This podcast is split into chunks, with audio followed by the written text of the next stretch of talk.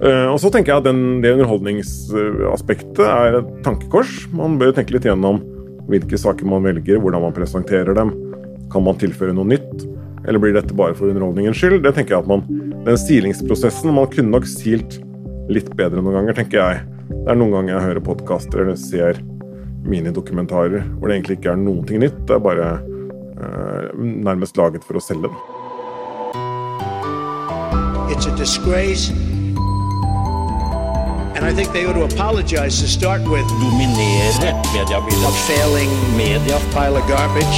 False and fake, fake, fake, fake, fake, fake. Når den neste store krimsaken ryster Norge, vil han være den første som går live på NRK for å fortelle oss om hva som egentlig skjer i kulissene. Velkommen til pressepodden, krimkommentator Olav Rønneberg. Takk for det. Jeg heter Even Barka og skal snakke mer med Olav om krimjournalistikk om litt. Men først noen ord fra våre annonsører. Sikre deg tilgang på det beste innholdet fra mediebransjen. Bli plusskunde i Medie24. Nå er det én krone for én måned uten binding. Vi ses på medie24.no.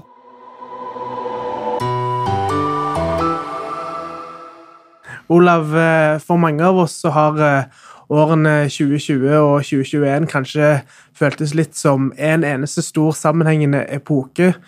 Hvilke krimsaker er det du husker best fra de snart to årene som er gått? Vi har jo hatt mange forskjellige saker. Det har vi for så vidt helt uavhengig av, korona. Uh, men den saken jeg vel jobbet mest med i den perioden, var rettssaken mot Laila Bertheussen. Der var vi i flere uker i Oslo tingrett. Det var koronarestriksjoner. Få journalister som fikk sitte i salen. Og Likevel så gikk jo den rettssaken mer eller mindre som planlagt. Og det var en rettssak som da skapte mye oppmerksomhet, og som krevde en del av oss som jobbet tett med den. Mm. Eh, dette, denne Bertheussen-saken var jo en sak som fikk mye oppmerksomhet eh, lenge før koronapandemien var noe noen av oss kjente til. Eh, hvilke utfordringer var det som oppsto med å jobbe med denne saken i den fasen? For det første så er det en veldig omfattende sak. Jeg tror Laila Bertheussen forklarte seg åtte ganger gjennom sakens gang om forskjellige forhold. Det var en veldig omfattende tiltale, så det var utfordrende å holde oversikt over alle detaljene og rett og slett forstå saken forstå bevisbildet, forstå hennes forsvar. Eh, og så var det etter hvert i saken, det må være lov å si det, litt utfordrende å, å balansere dekningen. Eh, for det, det, var mange beviser, mange indisier, som pekte mot henne. Eh, hun hadde tidvis en, en, mangelfull forklaring på mange av bevisene, og da var det vanskelig noen ganger å balansere bildet med at hun faktisk ikke var dømt før dommen kom, da. Og noen ganger så måtte også jeg lete etter poenger som talte til hennes fordel, for å kunne vinkle kommentarer eh, til hennes fordel, så bildet skulle fremstå mer eh, balansert. Mm. Hvordan går du fram for å sikre denne balansen? Det er jo viktig at vi unngår forhåndsdømming i pressen. Jeg tenker særlig da å, å kunne saken, kunne detaljene, kunne indisiene mot henne. Det var jo ingen fellende tekniske bevis. Det var indisier, men det ble etter hvert ganske mange indisier. Eh, en måte å gjøre det på er å snakke med forsvarerne, høre hva som er deres viktigste poenger, hva kommer dere til å legge vekt på? Eh, hvor kommer dere til å sette inn støt i utspørringen? Eh, vi vet at det var noen merkelige forsendelser til advokat Elden som ble tema i retten. Det var jo et av eh, forsvarernes sterkeste kort. Hvem har sendt disse forsendelsene? Hvis det ikke er Laila Bertheussen, er det da noen andre involvert i saken? Det var f.eks. utgangspunktet da for en kommentar som jeg skrev. Store saker som dette er jo ofte veldig kompliserte, og ofte mer kompliserte enn det offentligheten kanskje kjenner til. Eh, hvordan går du fram for å forberede deg i arbeidet med en sånn sak som f.eks. Bertheussen-saken? Bertheussen-saken fulgte jo flere av oss nesten fra dag én, fra de første hendelsene begynte å skje utenfor boligen til Vara Bertheussen. Og det betyr at vi etter hvert kunne hendelsene ganske godt. Så ble hun pågrepet og siktet, og gikk saken inn i en helt ny fase. Det ble mye snakk om, om dette teatret som var involvert, og som var utgangspunktet for mye av hennes sinne. Da måtte vi lese oss opp Eh, på det, snakke med, med kilder og, og, kontakter som kunne vite noe om det. Eh, så ble hun tiltalt. Eh, og Midt oppi alt dette gikk jo Tor Mikkel Wara av. Han gikk jo av da hun ble siktet. Det hadde jo en politisk side. Eh, men det handler mye om å snakke med folk, tror jeg. Eh, lese det som er tilgjengelig av saksdokumenter. Eh, og når vi kommer til retten, da, være i retten hver dag og følge med på hele bevisførselen. For min egen del så gjør jeg veldig grundige notater. Jeg noterer ned nesten alle forklaringene nesten ordrett, for da kunne jeg gå tilbake til det når jeg skal skrive eller, eller snakke i TV og radio. Jeg, kan jeg gå tilbake og, og lese meg gjennom vitneforklaringene. Mm. Du var jo litt inne på det at uh, i akkurat denne Bertheussen-saken så hadde jo saken en slags politisk slagside òg. Hvordan jobber du med andre avdelinger i, NRK opp mot uh, straffesaker? Nå er jeg heldigvis sånn at, at jeg slipper å ta meg av politikken. Jeg er egentlig veldig glad for det. Vi har en politisk avdeling med politiske kommentatorer som tar seg av den siden av saken. Sånn at jeg har utelukkende i Bertheussen-saken konsentrert meg om strafferetten og straffesakssporet. Eh, mens vår politiske avdeling jo tok seg av Tor Mikkel Waras avgang eh, og alt som skjedde rundt eh, det. Og den fordelingen har vi også gjort i andre saker. Øygard-saken, f.eks.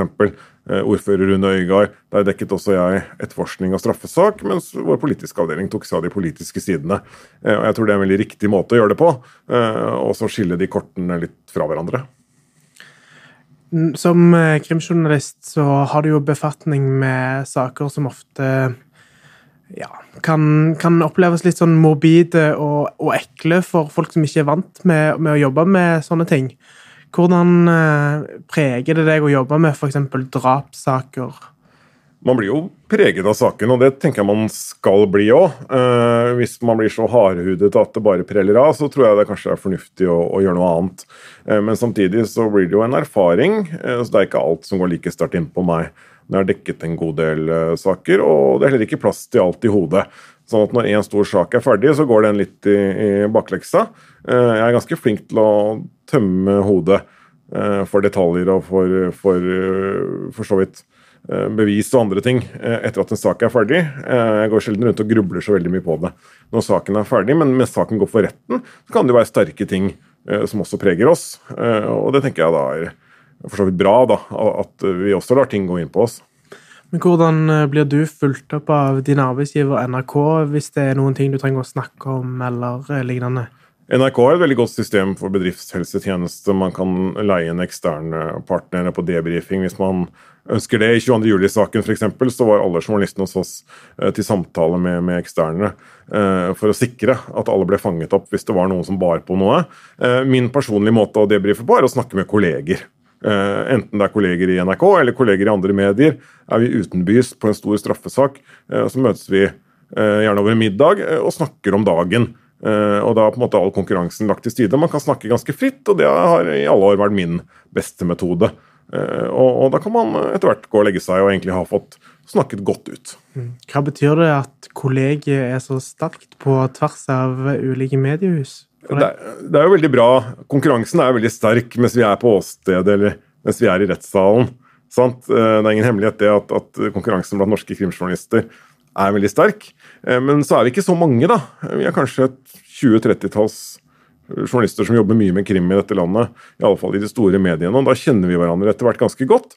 Og da er det ganske uproblematisk å møtes etter at uh, ting er sendt i deadline eller uh, Dagsrevyen er sendt på lufta.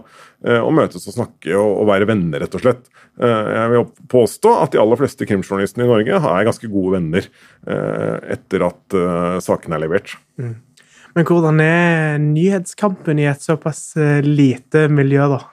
Det er jo, som jeg var inne på, skarp konkurranse. Du ser det jo mellom tabloidavisene. Jeg ser jo det litt fra utsiden. Eh, men jeg snakker jo også med folk i begge leire. Jeg, hører jo det at konkurransen er veldig sterk f.eks. mellom VG og Dagbladet. Eh, den er nok sterk mellom våre krimreportere og TV 2 sine reportere, for å ta et annet eksempel. Man vil jo gjerne være først med sakene. Man vil være først med detaljene.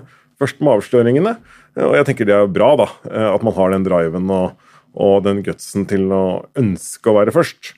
Eh, og så tenker jeg at vi også noen ganger, i hvert fall i NRK, kan stå litt tilbake. Eh, fordi vi ikke alltid er på alle de store sakene. Eh, så det er litt annerledes for oss enn for de mer tabloide mediene. Men er det ikke noen ganger selveste NRK får litt forrang òg i køen? Dere er tross alt Statskanalen? Ja, Statskanal er et ord vi ikke bruker i NRK. For det indikerer noe helt annet enn det vi er. Vi er en, en fri, uavhengig redaksjon fra staten, for å si det sånn. Men, men det er klart at Hvis vi sender direkte, for eksempel, og hvis vi sender direkte i Dagsrevyen, så har vi jo opp mot en million seere. Eh, og Da blir vi jo prioritert i køen eh, av f.eks. politi, eh, påtalemyndighet når de vil gå ut med et budskap. Det er ikke så rart, det. Men etter hvert nå så er det mange som har blitt flinke til å sende direkte. VGTV, Dagblad-TV. Vi har jo konkurrenter der òg, så det er nok en litt annen fordeling nå. Det er ikke slik at NRK alltid står først i køen lenger, og, og kanskje er det også bra. Jeg har lagt merke til en god metode i etterforskninger fra de som skriver i avisene, at de gjerne venter til slutt på pressekonferansen og snakker med intervjuobjektet alene da alle de andre er gått. Det er ikke så dumt uh, triks, det heller. Jeg burde kanskje sagt statlig finansiert og holdt det ved det, Olav. Eh, den er grei. Men uh, du har jo vært inne på det. Du har vært i krimjournalistikken en god stund. Hva var det som først trakk deg i retning akkurat dette fagfeltet innenfor journalistikken? Det var nok litt tilfeldig. Jeg husker at når jeg vokste opp, så var jeg nysgjerrig på politi og hva de foretok seg, hva de drev med. Jeg husker at faren min også var veldig interessert i dette med politi og hva som egentlig rørte seg i samfunnet. Eh, eller på samfunnets skyggeside, for å kalle det det. Men så startet jeg i P4 eh, som frilanser i P4-nyhetene eh, på slutten av 90-tallet, begynnelsen av 2000-tallet. Og det var samtidig med at ordresaken ble rullet opp. Og han som hadde dekket ordresaken for P4, han gikk over i en, en annen jobb utenfor P4 og Da var det plutselig ingen til å ta seg av ordresaken. Det var flere reportere som ble kobla på saken, men jeg var da en av de, og jobba etter hvert veldig mye med ordre og gjennom begge rettssakene eh, om ordredrapene. Så det var på en måte slik min krimkarriere startet, da, for å si det på den måten. Det er jo en av de mest omtalte eh, drapssakene i ja, skal vi si, nyere tid. Hvordan var det å bli kasta rett inn i, i den saken som eh, fersk reporter? Ja, Det var en bratt uh, læringsprosess, uh, for å si det sånn. Jeg har hørt på noen av de opptakene som jeg gjorde den gangen med, fra rettssakene. Og det er vel ikke alt jeg er like stolt av i dag, men, men samtidig så var det jo eh, P4-nyhetene på den tiden var ikke så omfattende som NRK driver nå. Det var ikke en vegg-til-vegg-dekning, så du fikk nok litt mer tid til å tenke deg om så mellom slagene. Og så hadde vi en veldig god ledelse. Nåværende P4-sjef Kenneth Andresen var min mentor som nyhetssjef den gangen. og jeg kan nok trygt si at det hadde ikke vært der jeg er i dag uten at han hadde veiledet meg, og det gjelder nok også under ordresaken. Som du var inne på, så er det ikke så mange i landet vårt eller i bransjen som har samme type rolle som deg. Din rolle er til og med enda mer unik fordi du òg er vaktsjef. Kan du fortelle litt om eh, hvordan det er å balansere både være reporter, kommentator og vaktsjef på samme tid? Ja, eh, det er jo slik at Jeg har jobbet med krim i mange år, også på heltid i, i NRK. Eh, men så ble det da for noen år siden at jeg søkte en vaktsjefjobb, men ble spurt om å fortsette som kommentator. Fordelen med det er at du kan se litt ting fra begge sider. Som vaktsjef i Dagsrevyen så prioriterer du krimsakene mot økonomistoffet, utenriksstoffet, politikk og kultur. Og da har du kanskje et litt mer realistisk bilde av Eh, det totale nyhetsbildet da, enn, hvis du bare jobber med krim på heltid. Det er lett å tenke at alle sakene mine er de viktigste. Men som vaktsjef i tillegg så får du en litt mer sånn balanse uh, i det. Og så tenker jeg at det er bra for meg, i hvert fall, som har jobba med krim i så mange år på heltid, og jobber med litt andre ting i tillegg. Men jeg blir da tatt ut, hvis det er store planlagte rettssaker, så blir jeg tatt ut av turnus. Får forberedt meg godt, får snakket med kilder. Og så er det noen ganger at det skjer akutte hendelser Birgitte Tengs øh, den påståtte oppklaringen der var en sånn type akutt hendelse som skjedde en fredag formiddag, og jeg ble sendt av gårde til Stavanger. Øh, og da var det noen andre tok over min plass i turene som vaktsjef. Øh, så Noen ganger er det litt mer akutt enn det er under de planlagte sakene. da. Hvordan er det å bare måtte kaste seg inn i en bil eller et fly, og plutselig skal man kommentere en stor drapssak eller en etterforskning som det har vært utvikling i? Det er veldig spennende det der å være på vei, og særlig sånn når det har skjedd noe nytt, hvor det, liksom, det, er ukjent, du vet ikke hva du kommer til. Det trigger jo det, liksom, det genet i deg. Eh, konkurranseinstinktet, nysgjerrigheten. Eh, samtidig så er det jo sånn at eh, når jeg kommer, så er det gjerne liksom over den verste akuttfasen. Jeg er ikke den første som blir sendt, fordi jeg har den kommentatorjobben. Det første vi gjør, er å sende ut reportere og fotografer, så du kan si at jeg kommer kanskje litt, litt mer dekka bord, da, for å si det sånn. Eh, men det er helt klart eh, noe av det som driver en journalist, er jo det å bli sendt ut til ting du ikke helt vet hva er, og, og jobbe med undersøkelser. Men uh, som vaktsjef, hender det noen ganger at du tenker nå var det litt profilløst i denne Dagsrevyen-sendingen, på tide med litt røn mer Rønneberg på skjermen? Jeg har aldri satt meg selv på lufta som vaktsjef, for å si det sånn. Det har vært noen diskusjoner der hvor jeg har vært vaktsjef. Det har skjedd store krimsaker. Ingen vikarer. Skal jeg gjøre begge deler? Men det er greit å holde rollene fra hverandre. Og en, en vaktsjefjobb i Dagsrevyen det er en, en heldagsjobb og vel så det. Eh, så det er neppe forenlig med å gå i studio. Men vi har da heldigvis andre vi kan ringe. Det er eh, kolleger av meg i andre medier som kan eh, spørres. Og, og det er også utmerkede reportere hos oss som jobber med krim på heltid, som vi absolutt kan bruke både i Dagsrevyen og i andre steder i NRK. Sikre deg tilgang på det beste innholdet fra mediebransjen. Bli plusskunde i Medie24. Nå er det én krone for én måned uten binding. Vi ses på medie24.no. Apropos reportere, du har jo vært med i gamet lenge, som vi har vært inne på. Hvilke tips gir du til de helt eh, ferske reporterne som skal inn i krimjournalistikken? Jeg tenker Det viktigste er å snakke med folk.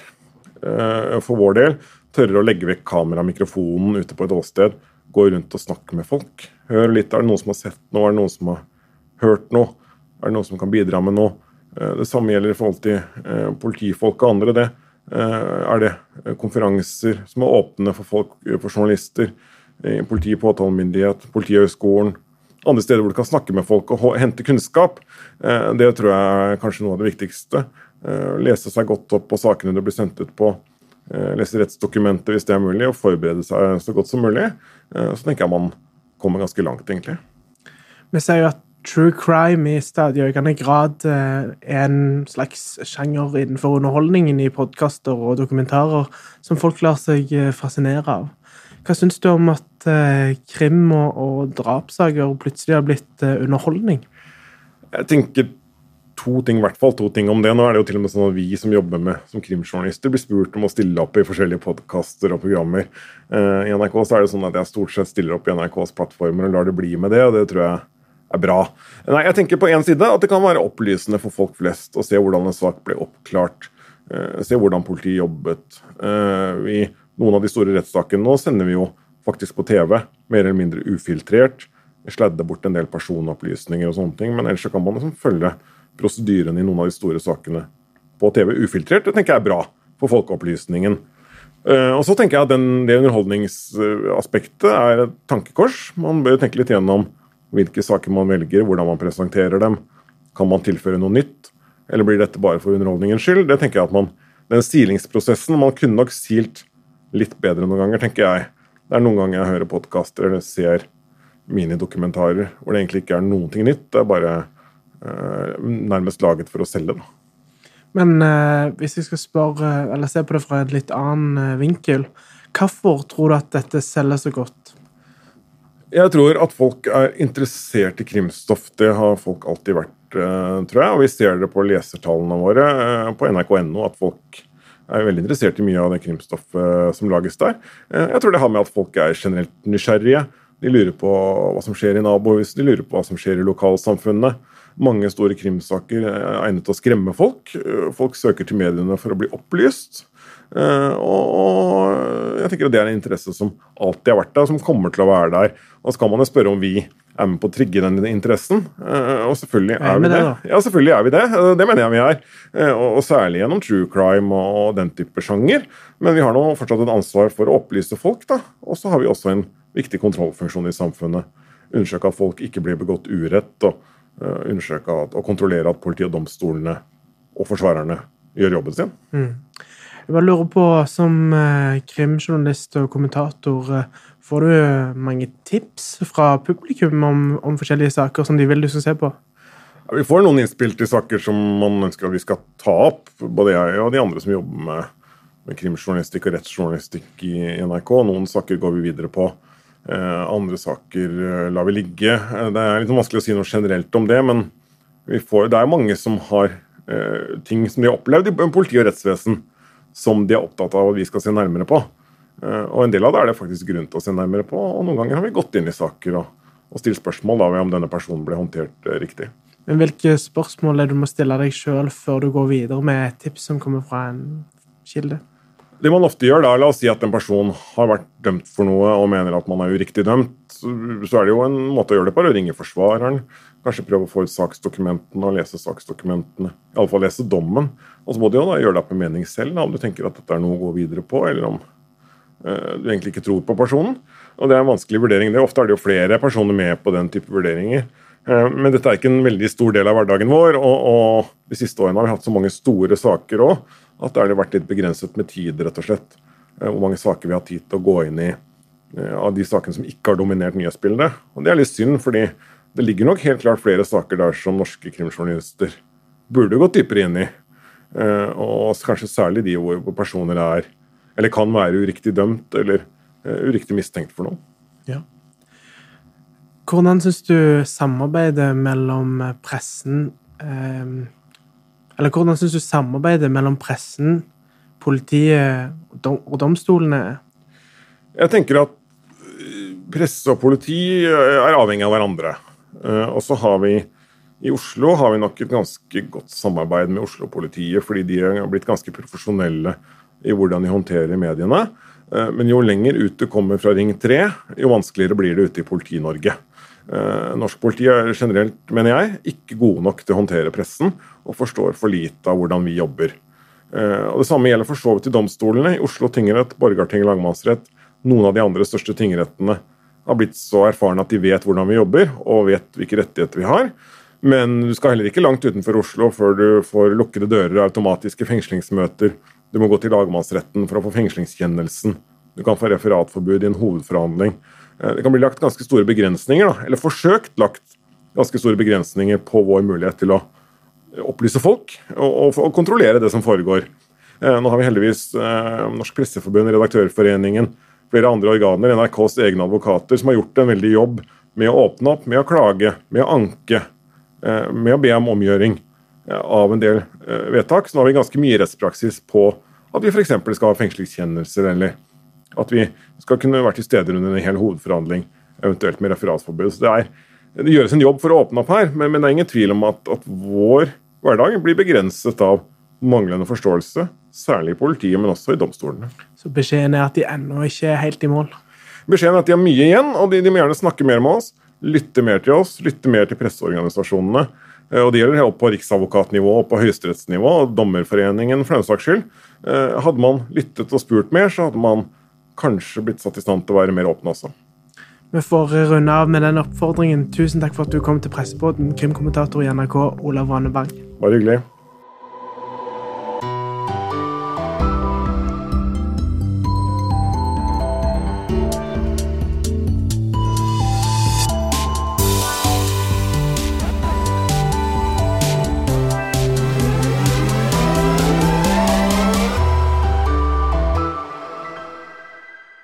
Sikre deg tilgang på det beste innholdet fra mediebransjen. Bli plusskunde i Medie24. Nå er det én krone for én måned uten binding. Vi ses på medie24.no.